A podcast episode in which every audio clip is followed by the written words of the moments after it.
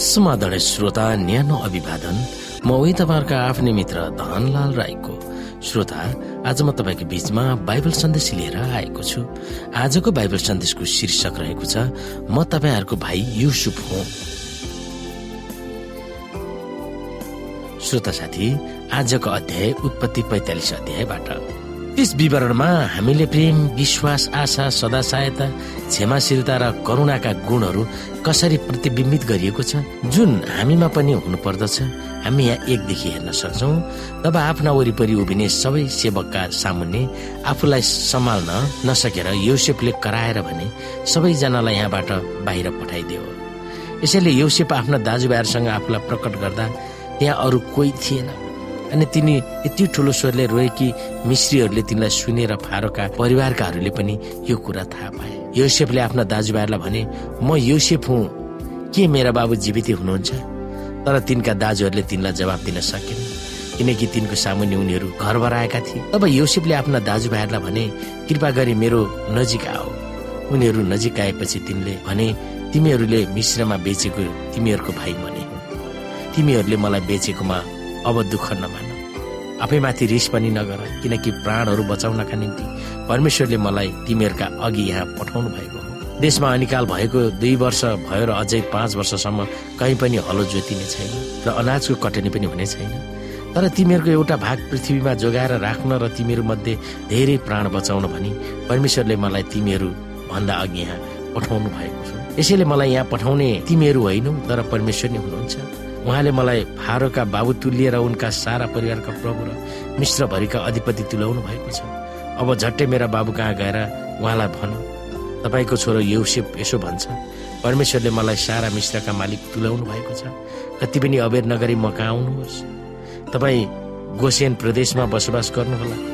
तपाईँ र तपाईँका बालबच्चाहरू र तपाईँका नाति नातिनाहरू तपाईँका बगालहरू तपाईँहरूसँग भएका जे जति सबै मेरो नजिकै हुनेछन्।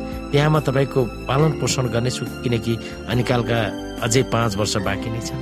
नत्र त तपाईँ र तपाईँका परिवार र तपाईँसँग भएका सबै दरिद्र हुनेछन् अब तिमीहरूसँग बोल्ने म युसेफ नै हुँ भनेर तिमीहरूले आफ्नै आँखाले र मेरो भाइ बेन्जामिनले पनि देखेका छौ। मिश्र देशमा मेरो सबै गौरव र तिमीहरूले जे जे देखेका छौ सो सब कुरा मेरा बाबुलाई अवश्य भन्नु र झट्टै मेरा बाबुलाई यहाँ ल्याउनु। तब आफ्नो भाइ बेन्जामिनको गलामा अङ्गाला हालेर तिनी खोप रहे र बेन्जामिन पनि तिनको गलामा टाँसिएर रोए। अनि तिनले आफ्नो सबै दाजुहरूलाई मै खाएर उनीहरूसित रोए।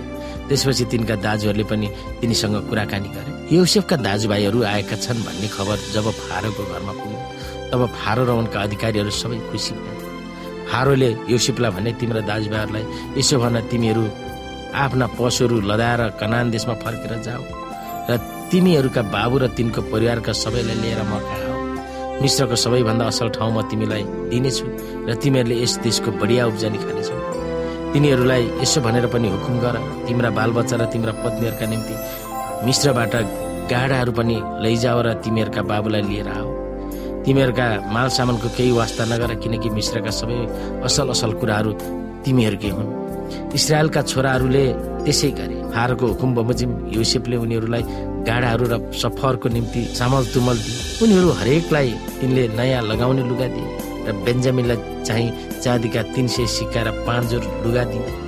आफ्ना बाबुको निम्ति चाहिँ तिनले ती चिजहरू पठाइदिए। मिश्रका असल असल चिजहरूले ल्याइदिएका दस गधा र तिनका बाबुका सफरको लागि सामल तुमल रोटी र अनाजले लादिएका दसवटा गधैनी। तब तिनले आफ्ना दाजुभाइहरूलाई विदा गरे। विदा हुँदा तिनले उनीहरूलाई भने बाटोमा झगडा नगरे। यसरी उनीहरू मिश्रबाट कनान देशमा आफ्ना बाबु याकुब कहाँ आए? उनीहरूले तिनलाई भने योसेफ त अझै जीवितै रहेछ र मिश्रका अधिपति तिनी नै भएका रहेछ यो कुरा सुनेर तिनको हृदय गति नै रोकियो। तिनले उनीहरूको कुरा पत्याएनन्। तर उनीहरूलाई भनी पठाएका योसेफका सबै कुरा सुनेपछि र आफूलाई ल्याउन भनी योसेफले पठाएका गाडाहरू देखेपछि उनीहरूका बाबु याकुबको होस भयो। अनि इसरायलले भने यति भए मलाई भइगयो मेरो छोरो योसेफ अझै जीवित रहेछ। म जानेछु र मर्नुभन्दा अघि त्यसको मुख हेर्नेछु। जब युदाले आफ्नो बुबा एभी मेरो बुबा माथि विपत्ति आएको उसले हेर्न नसक्ने क्रन्दन पोखे तब युसुफ चियाएर रहेका थिए र अनि उनका दाजुहरूलाई आफू को हो भनेर चिनाइदिए। आफूलाई प्रकट गरे वा चिनाइदिए भन्ने कथन बाइबलमा प्रायः जसो प्रयोग गरिएको छ।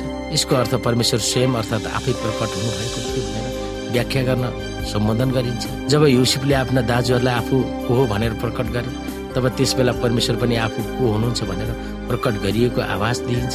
मानिसहरूको कमी कमजोरीको बावजुद पनि परमेश्वरले नै सबै थोक सम्हाल्नुहुन्छ भनेर उहाँले देखाउन चाहनुहुन्छ। र यस कथामा देखाउनु नै भएको थियो। आफूहरूले के सुनिरहेको छ र देखिरहेको छ सो ती दाजुहरूलाई अत्यारै लागेन। जे भइरहेको छ सो तिनीहरूलाई सपना जस्तो भइरहेको थियो।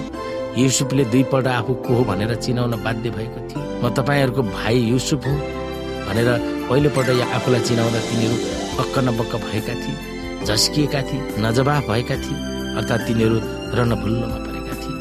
अनि दोस्रो पल्ट तपाईँहरूले मिश्र देशमा बेच्नु भएको भाइ म नै हुँ भनेर स्पष्ट रूपमा सुनाउँदा मात्र आफूहरू कसको अगाडि उभिरहेका छौँ भनेर विश्वास गर्न सके।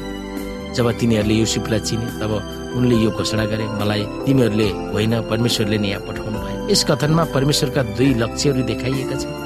आफ्ना दाजुहरूप्रति आफ्नो कुनै पनि रिसिभी वा प्रतिशोधका भावनाहरू छैन भनेर उनले तिनीहरूलाई विश्वस्त पार्न चाहेका थिए। अर्को त्यसले उनमा भएका विश्वास सदाशयता आस्था र आशाका गुणहरू अत्यन्तै उल्लेखनीय रूपमा स्वीकार गरेको देखाइएको थियो। तिनीहरूले उनलाई जे गरे त्यो तिनीहरूलाई महान उद्धार गर्न नै र तिनीहरूको प्राण जोगाउन आवश्यक थियो भनेर तिनीहरूको मन युसिपले हलुक्का बनाएका थिए।